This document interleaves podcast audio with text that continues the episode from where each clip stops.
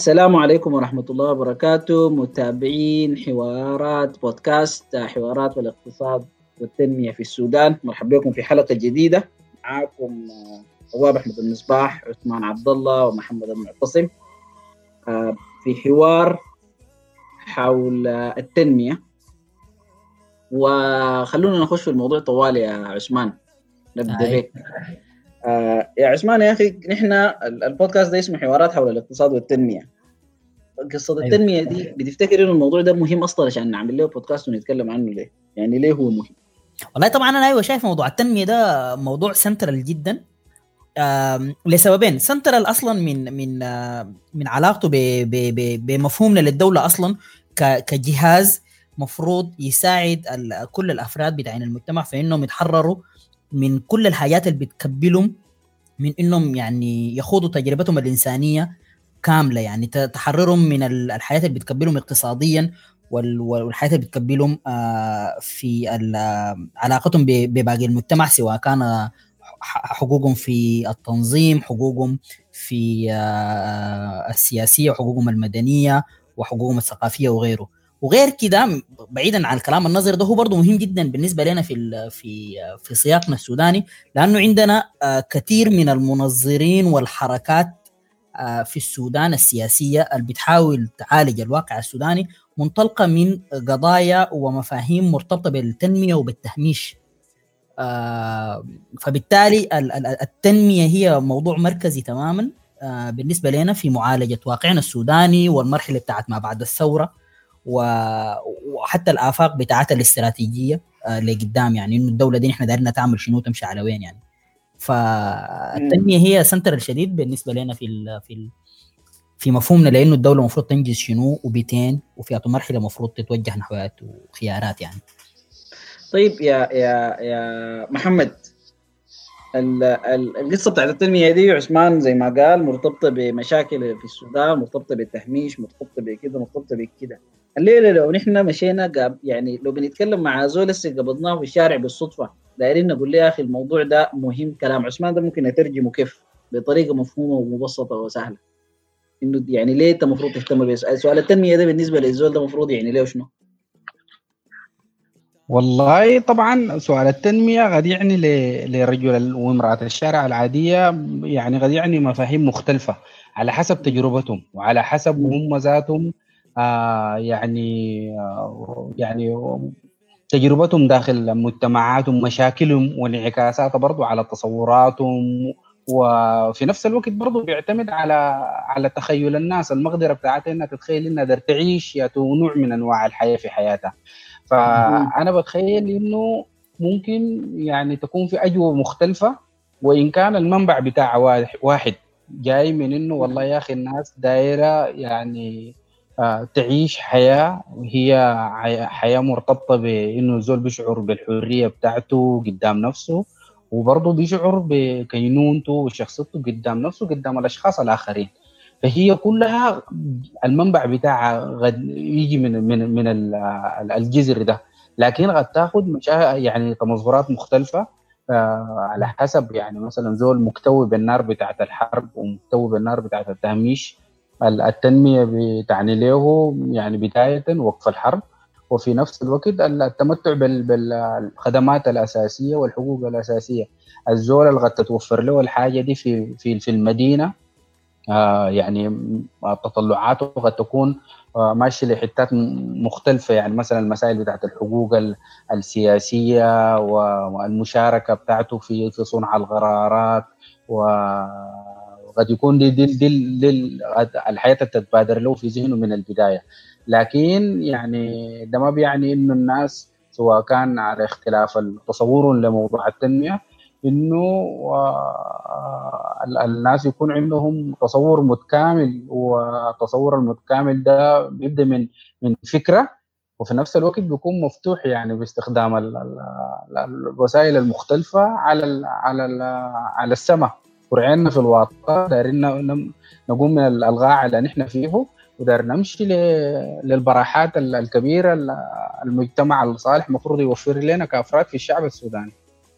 أيوه. طيب يا يا محمد وعثمان يعني واضح إنه من ناحية التنمية دي بتعني لكل زول ممكن تعني له حاجة مختلفة بناء على تجربتهم في الحياة. لكن في نفس الوقت في حدها الأدنى آه، بتعني إنه الزول يكون قادر يعيش حياته بكرامة وبطريقة لائقة وبالطريقة اللي هو شايفها كويسة يعني بحسب بحسب بحسب الكلام ده. ال ال ال طيب اذا إذا هو الموضوع ده يعني يعني واضح إنه مهم بالطريقة دي بالنسبة للبني آدم بالنسبة للمواطن بالنسبة للمجتمع. ليه نحن لحد الليلة من الاستقلال بنجابت كده ونكابس في قصة التنمية دي وما قادرين نمشي لقدام يعني. يعني ليه ما قادرين؟ يعني ليه كرامة الإنسان السوداني دي من الاستقلال لحد الليلة ما قادرة تتحقق؟ ليه المواطن السوداني ده من الاستقلال لحد الليلة؟ آه ما قادر آه يعني ما قادر يعيش الحياة اللي هو شايفها بتستحق زي ما قاعد تقولوا يعني قبل ما تجاوبوا على السؤال ده وقبل ما نبدأ نناقش السؤال ده أنا بس داير أنبه لمفارقة مزعجة جدا. اللي هو من ناحية بيكون عندنا كلام كثير عن إنه كيف السودان يمتلك مقومات الدولة العظمى والسودان غني بالثروات الطبيعية سلة غذاء العالم. أيوه وسلة غذاء العالم. ومن ناحية ثانية يعني أنت الحياة اللي بتعيشها والشايف الناس عايشينها واللي أنت عايشها واللي عايشها المجتمع ما ما بتشبه الحاجة دي يعني. فليه نحن ما ما قادرين يعني ما قادرين نجاوب على سؤال التنمية ده من استقلينا لحد الليلة يعني. المشكلة وين؟ طبعا يا واب أول حاجة أنا أنا أنا أنا في إجابتي الجاية دي داير ذاته ادخلك أنت في الكلام ده لأنه أعتقد إنه أنت المفروض يكون عندك برضو آه يعني حاجة هنا بتفيدنا بها أنا داير افتح يعني سؤال التنمية أو مقوله التنمية دي لحتتين اللي هي التنمية الاقتصادية كونه أصلا البودكاست بتاعنا ده عنده اهتمامات اقتصادية وبرضه ارتباط التنمية الاقتصادية بالعدالة الاجتماعية. يعني مثلا نحن عندنا يعني شين فايدة مدينه الحلبة والويقود بيشيلوا اليانكي مش؟ ففي أيوة. حتى مفهومنا للحياة الكريمة والتنمية وكذا ما محدود في حدها الاقتصادي لكن بيعترف بإنه الحد الاقتصادي هو الحد الضروري لكن ليس الحد الكافي. بمعنى إنه الحد الاقتصادي ضروري عشان تحصل عدالة اجتماعية لكن العدالة الاجتماعية ما يعني ما يعني ما direct output من التنمية الاقتصادية. فبالتالي أنا داير أقوم أفتت موضوع التنمية ده لإنه إحنا آه عندنا جواه التنمية الاقتصادية وعندها ربط ب العدالة الاجتماعية اللي هو ده الكلام اللي مثلا بيقوله امارتيا سين في إنه الكلام اللي قلناه قبل إنه يا أخي التنمية كمفهوم شامل هي آه بنقول إنه الناس ديل نمو أو المجتمع ده حصل فيه تنمية لما يكون الأفراد بتاعين المجتمع ديل آه يتحرروا من المكبلات بتاعت آه تجربتهم الانسانيه بيقدروا يعملوا الدايرينه بمعنى إنه مثلا يعني مثلا إذا أخذنا مثال آه واضح شديد لموضوع التنمية إنه آه المجتمع البشري ده كله لحد 1800 يقول قبل الثورة الصناعية كان الناس دي جارة هوا شديد يعني الزول بيجر زمن في يومه كله عشان بس يعني احتياجاته الأساسية بتاعت الأكل الطعام بالنسبة له هو الأكل الضروري بس. اللي بس في الهدوم بس اللي بتستره يعني ما في موضة ولا هدوم الصيف براه هدوم الشتاء براه وكده ما في رعاية صحية ما في خصوصية في البيت غرفتي وغرفتك وكده. ده كان أسلوب حياته. بعد ذاك بعد الثورة الصناعية وكده حصلت تنميه ممكن نقول. لكن ما في كل العالم في العالم الغربي لكن التنمية دي بنعني بها شنو؟ بنقدر نعرفها من تغير أسلوب الحياة ده اللي هو إنه الناس دي بقوا كونه الزول يشتغل أربع ل 8 ساعات فقط هي كافيه إنه يغطي كل احتياجاته دي وباقي زمنه ده فاضي وبالتالي هو يتحرر من المكبلات المادية الزمان كانت ماخذه زمنه كله. هسي بيحتاج إنه فقط يشتغل أربع ل 8 ساعات لمدة خمسة أيام في الأسبوع وباقي الزمن حقه سواء يتم رفاه يتم فن يتم آه روحانيات contemplation whatever فده نوع التنمية اللي نحن قاصدينه. دي, دي اللي هو زي زي زي بيحصل. زي بيحصل تحسن في مستوى المعيشة كده. بالضبط تحسن في مستوى العيشه دي النقطة الأولى بتاعت التنمية. الحاجة الثانية بتاعت العدالة الاجتماعية إنه نوع التنمية ده نحن ما دايرينه نقيسه بس بمقاييس جمعية يعني collective measures اللي هو الناتج الإجمالي ومعدل النمو الكلي الاقتصاد وكده. لكن دايرين برضه نهتم بالمعدلات الديستريبيوتيف اللي هي الحقوق الأساسية دولة الرعاية مستوى الفقر اللامساواة وإلى ذلك. فتداخل الحاجتين دول مع بعض إنه دايرين نهتم بديل ونهتم بديل. الكلية بتاعت الحاجة دي اسمها التنمية. وبالنسبة لنا في السودان يعني ردا على سؤالك إنه بالنسبة لنا إحنا في السودان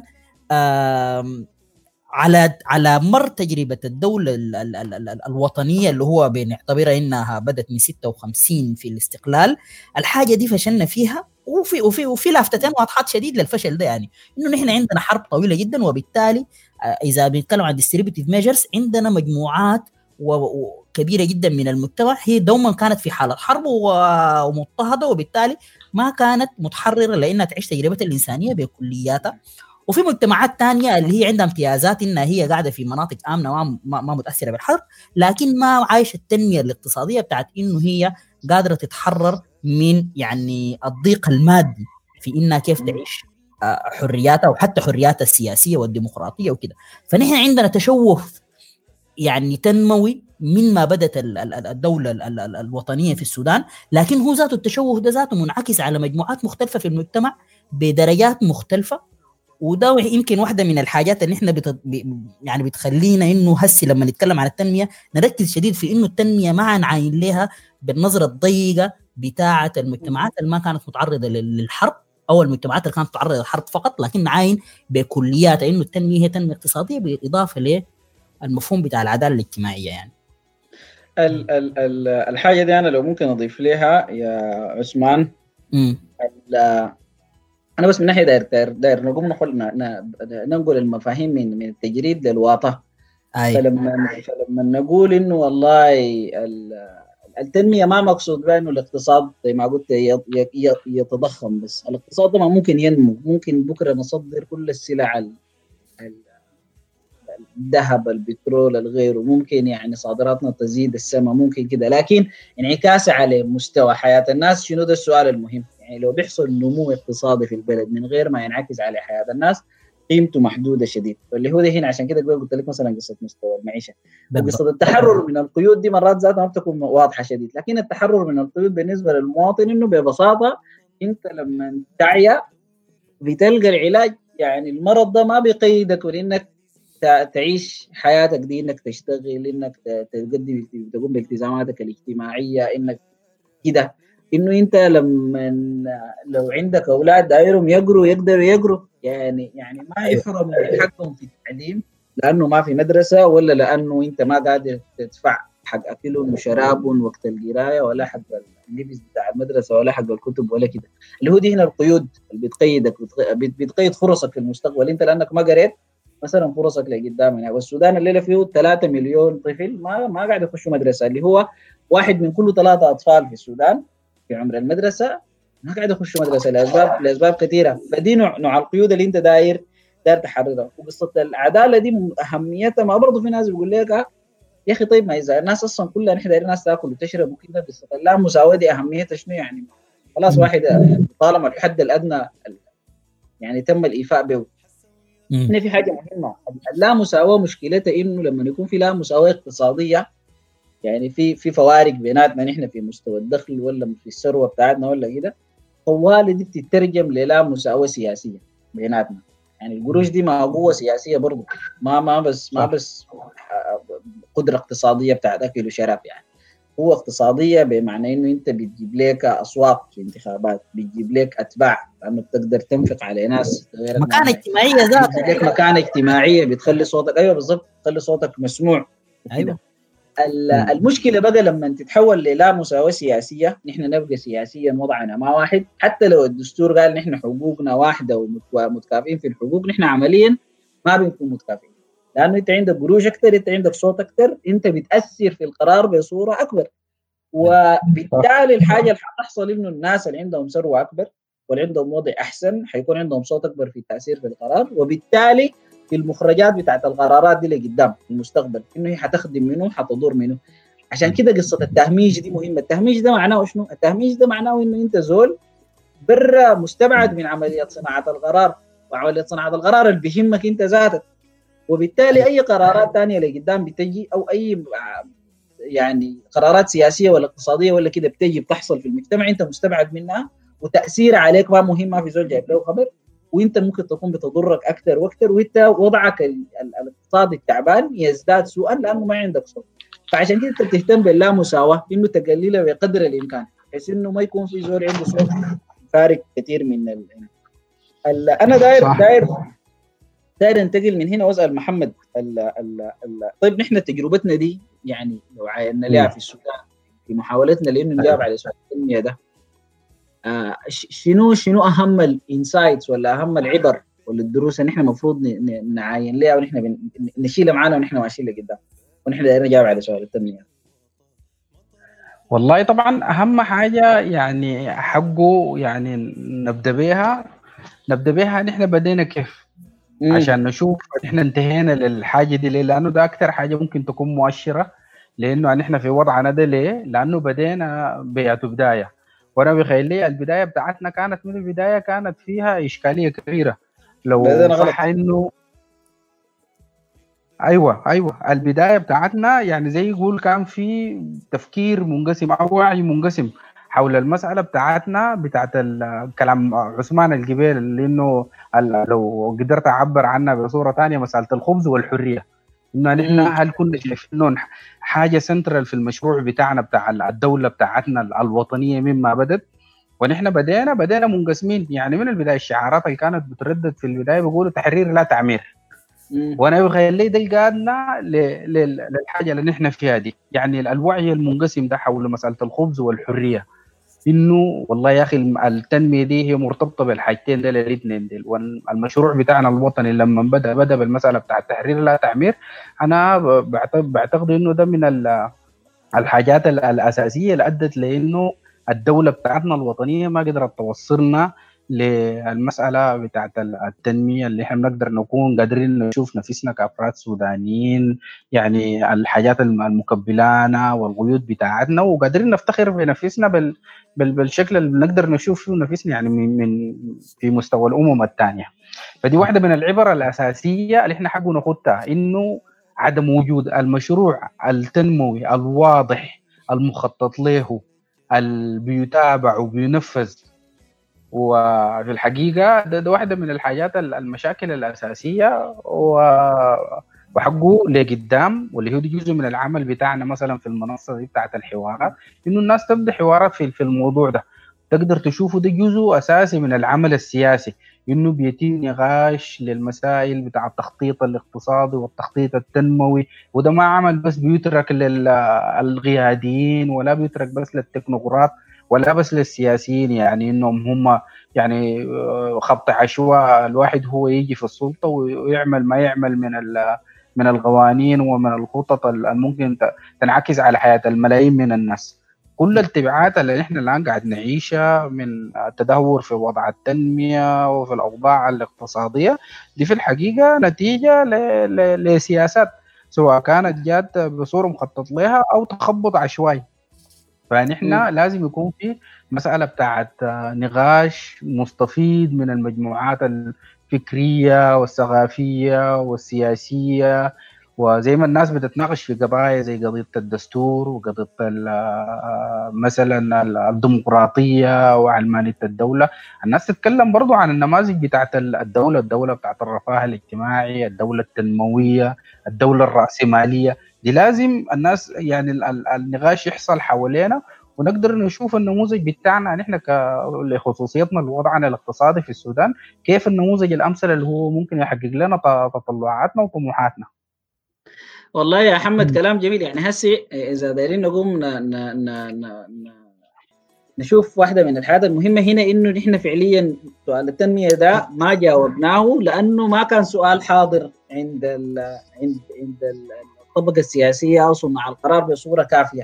ما كان حوله نقاش ما كان حوله هل هل هل ده معناه لأنه أنت برضه قلت في النهاية كان في سياسات مقصودة ما مقصودة كده. طيب يعني أنا أقدر ممكن نزل سؤال أصعب شوية لكن يعني في النقاش برضه هل هل هل ده معناه نحن ما كنا متبعين مسار معين حتى لو ما قاصدين؟ ولا التنميه ولا ولا ولا سياساتنا كانت عندها نمط معين ممكن نفهمه ونعرف الغلط فيه والكويس فيه وشنو يعني إحنا صحيح ما تناقشنا في الموضوع سياسيين ما كان عندهم طر... ما كلهم كان عندهم طرح واضح صحيح في ناس عندهم يعني تعاملوا مع السؤال ده بجدية لكن معظم الوقت لا السؤال هل السودان ما كان عنده مسار تنموي ماشي بيه وحتى كان غلط كان صح؟ والله في والله السؤال برضه لعثمان يعني أيوه ممكن أنا في البداية أقول حاجة بسيطة ودي الفرصة أيوة. لعثمان أنا بعتقد إنه طبعا بالتأكيد ده الزول ما داري يقول إنه ينفي إنه ما كان في تخطيط اقتصادي بالمناسبة التخطيط الاقتصادي بدا من الزمن بتاع الاستعمار وحتى كانت في خطة اقتصادية خمسية تقريبا من 46 ل 51 وثاني جات خطة خمسية برضه وبعد ذاك لما جاء عبود عمل خطة عشرية ودي يمكن من أكثر الخطط الاقتصادية اللي حصل في زمنها يعني مسألة بتاعت يعني النواتج بتاع التنمية ممكن تقدر تقول شيء ظهرت في الوقت ذاك. برضه في نفس الوقت نيميري مشى والإنغاز ذاتها كانت عندها خطط بتاعتها. المشكلة إنه الخطط دي ما كانت يعني آه، بتخضع. يعني ما عندها مثلا كتلة اجتماعية وسياسية مريحة دعم المشروع التنموي ده ولا طرحت للشعب السوداني ولا نوقشت ولا استصحبت الاراء بتاعت الشعب السوداني ولا المثقفين ولا المفكرين ولا ولا جماهير الشعب. هي حاجة من فوق لتحت.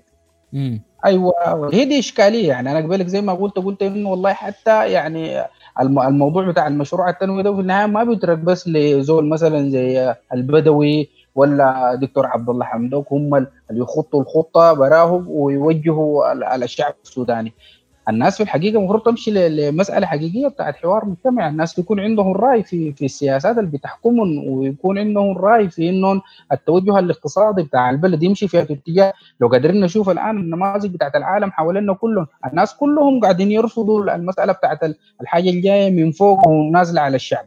الشعوب كلها في العالم الآن قاعد تطالب في الدول بتاعت الدول الجنوب وفي الدول بتاعت الشمال الدول المتقدمة. لو قادر تشوفوا يعني في كل الدول الان الناس بتطلع للشوارع قاعد تحتج تحتج على أيوة. الأنظمة الاقتصادية وعلى الخطط الاقتصادية وبتطالب بانها هي تكون حاضرة في لب المشاريع دي وهي تكون حاضرة في إنها تحكم نفسها بنفسها. فدي حقه أن إحنا كدولة سودانية أن إحنا صح متأخرين. هسي لما نقدر نعاين في في في ظل النظام العالمي كله.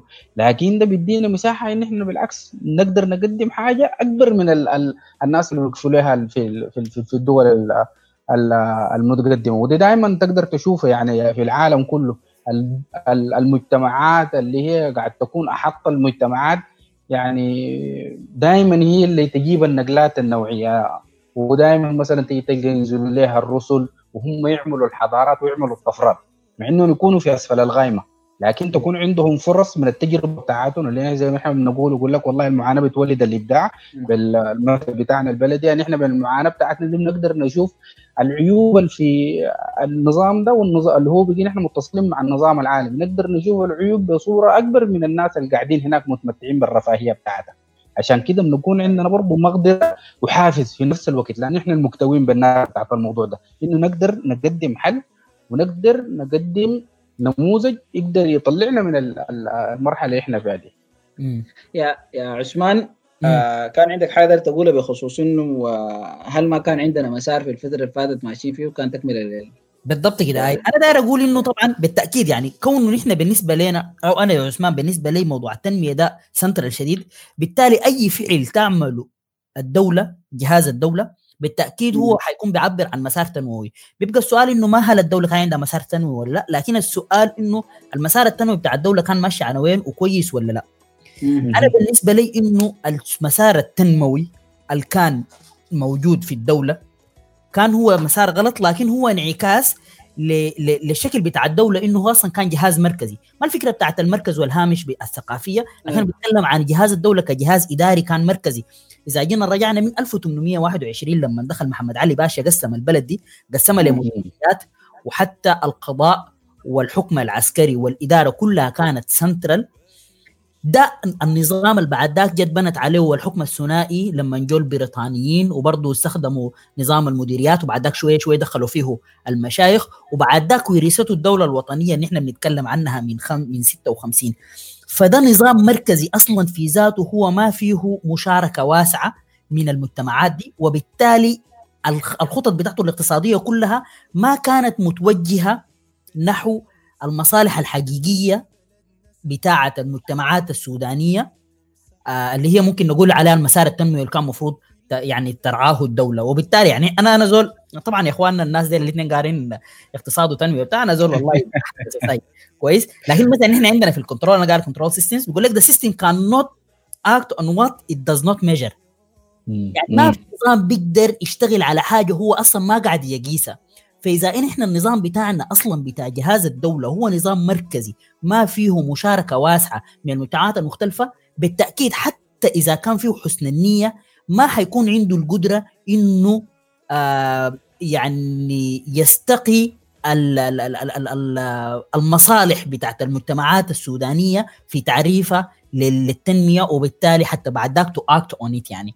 فأنا بعتقد إنه التنمية ك يعني ك كقضية مظلية وقضية قضية عامة داخلة ممكن نجي برضه نتكلم عن إنه نظام الدولة أصلا هو كان عنده أثر في إنه التنمية دي تكون أو كل الخطط التنمية إذا جينا قلنا والله يا أخي عبود وحتى من قبله مشروع الجزيرة وغيره كده بنقدر نجي نفسر الحياة دي كلها في إنها هي ما بالمناسبة ما كانت مسار تنموي عنده علاقة بالمجتمعات السودانية ككل لكن كان مسار تنموي عنده علاقة بالدولة المركزية ومن تمثلهم في المجتمع ده وكده.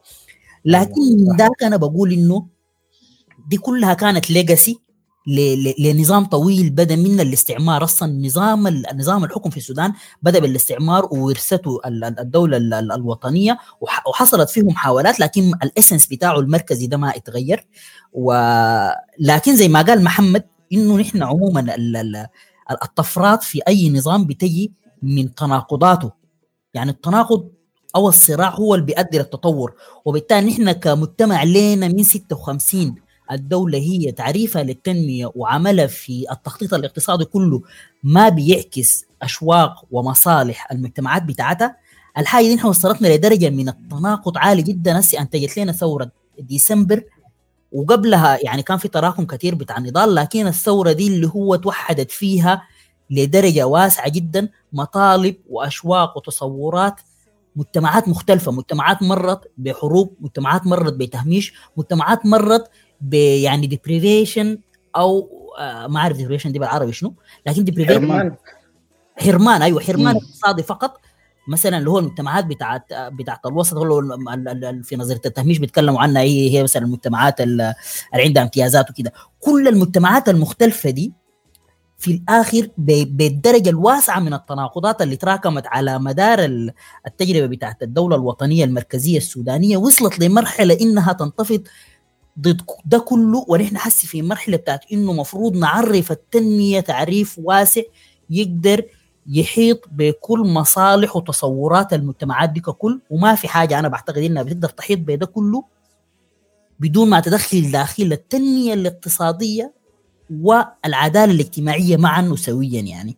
فبالتالي يعني إحنا في مرحلة حسي بتاعت إنه المفروض نعترف بإنه الدولة الوطنية دي ما عن النوايا لكن فعلها الأساسي كان تجاه التخطيط الاقتصادي والتنمية ما كان هو بيعبر عن أشواق المجتمعات دي.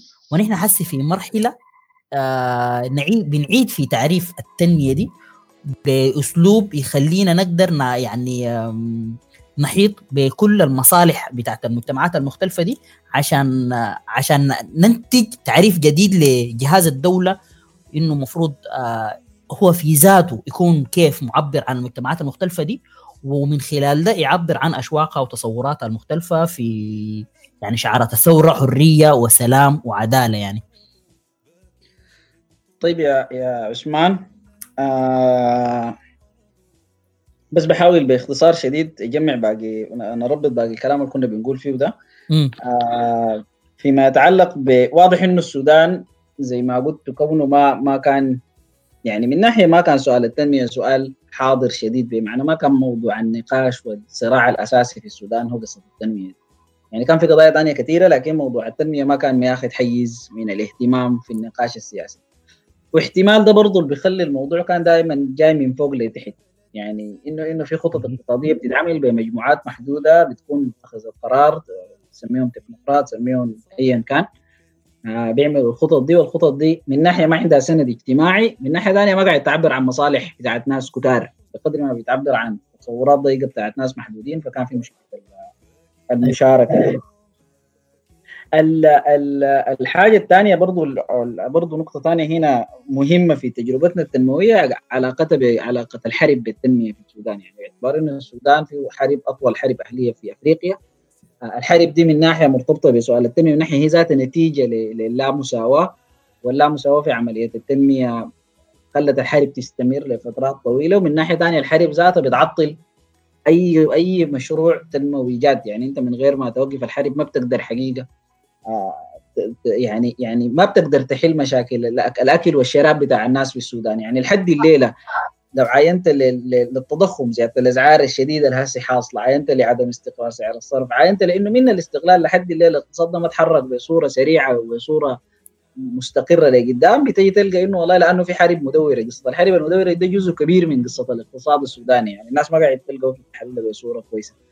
بعد ذاك برضه في القصة بتاعت التركة الاستعمارية حقه نحن والله لو لقينا وقت يكون عندنا نفرد مساحة لقصه الحرب وعلاقتها بالتنميه ولقصه التركه الاستعمارية وعلاقتها بالتنميه ونشوف برضه تجارب التخطيط التنموي واشكالاتها لكن عموما دي مجموعة من الحاجات اللي في تاريخنا وفي تجربتنا كانت عاملة إشكال.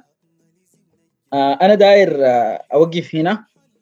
آه وفي نقاشنا الجاي نتكلم أكثر عن عن عن نحن شايفين مسار التنمية ممكن يكون شكله عامل كيف. لقدام من هنا. يعني إحنا بنعاين للعبر دي والدروس دي والتجارب دي. المفروض نفكر في سؤال التنمية من هنا ولقدام كيف ونعاين للافق اللي فتحته لنا ثورة ديسمبر. آه يعني نبدأ من الحتة اللي وقف فيها عثمان إنه كيف كيف الثورة فتحت مساحة تفكير شكله مختلف عملت توازنات قوة شكلها مختلفة خلت ناس كتار يخشوا العملية السياسية بطرق مختلفة وكده. آه لكن خلونا نقيف هنا وفي في زول داير يضيف حاجة في الكلام اللي قلناه ده يا اخوانا قبل ما نوقف؟ محمد. والله ممكن نشوف الحلقة دي هنا ده ونواصل في الحلقة الجاية يعني. في أفكار كثيره ممكن مرتبطة لسه بالتصورات بتاعت الخط التنموي اللي كانت الحكومات الوطنية وشكل علاقاتها برضه مع المجتمع الخارجي. منظمات المجتمع الدولي زي الصناديق بتاعت صندوق النقد الدولي والبنك الدولي لأنه دي كلها كان عندها تأثير وعندها برضه ارتباطات بالمشروع الاستعماري يعني. يعني وبرضه اهميتها جاية من إنه هسي هسي بعد الثورة بقت برضه بقى في كلام كثير عن إنه الناس هيتعامل معاه كيف. سؤال أيوة. أيوه. أيوه أيوه. أيوه أيوه أنا بعتبر فعلا إنه إحنا حسي يعني ممكن نكون اتكلمنا عموما عن موضوع التنمية فأعتقد إنه في المرات الجاية هنتكلم عن المسار المطروح حاليا للتنمية والمسارات البديلة والأسئلة المطروحة حسي في التعامل مع ال مع ال مع يعني مع المؤسسات المؤسسات العالمية دي يعني اللي بتعتبر نفسها هي بتعتبر نفسها شغالة في موضوع التنمية يعني. كلام جميل جدا. يا اخوانا والله شكرا لكم كثير ونواصل في الحلقة القادمة. السلام عليكم ورحمة الله. شكرا. شكرا يا واب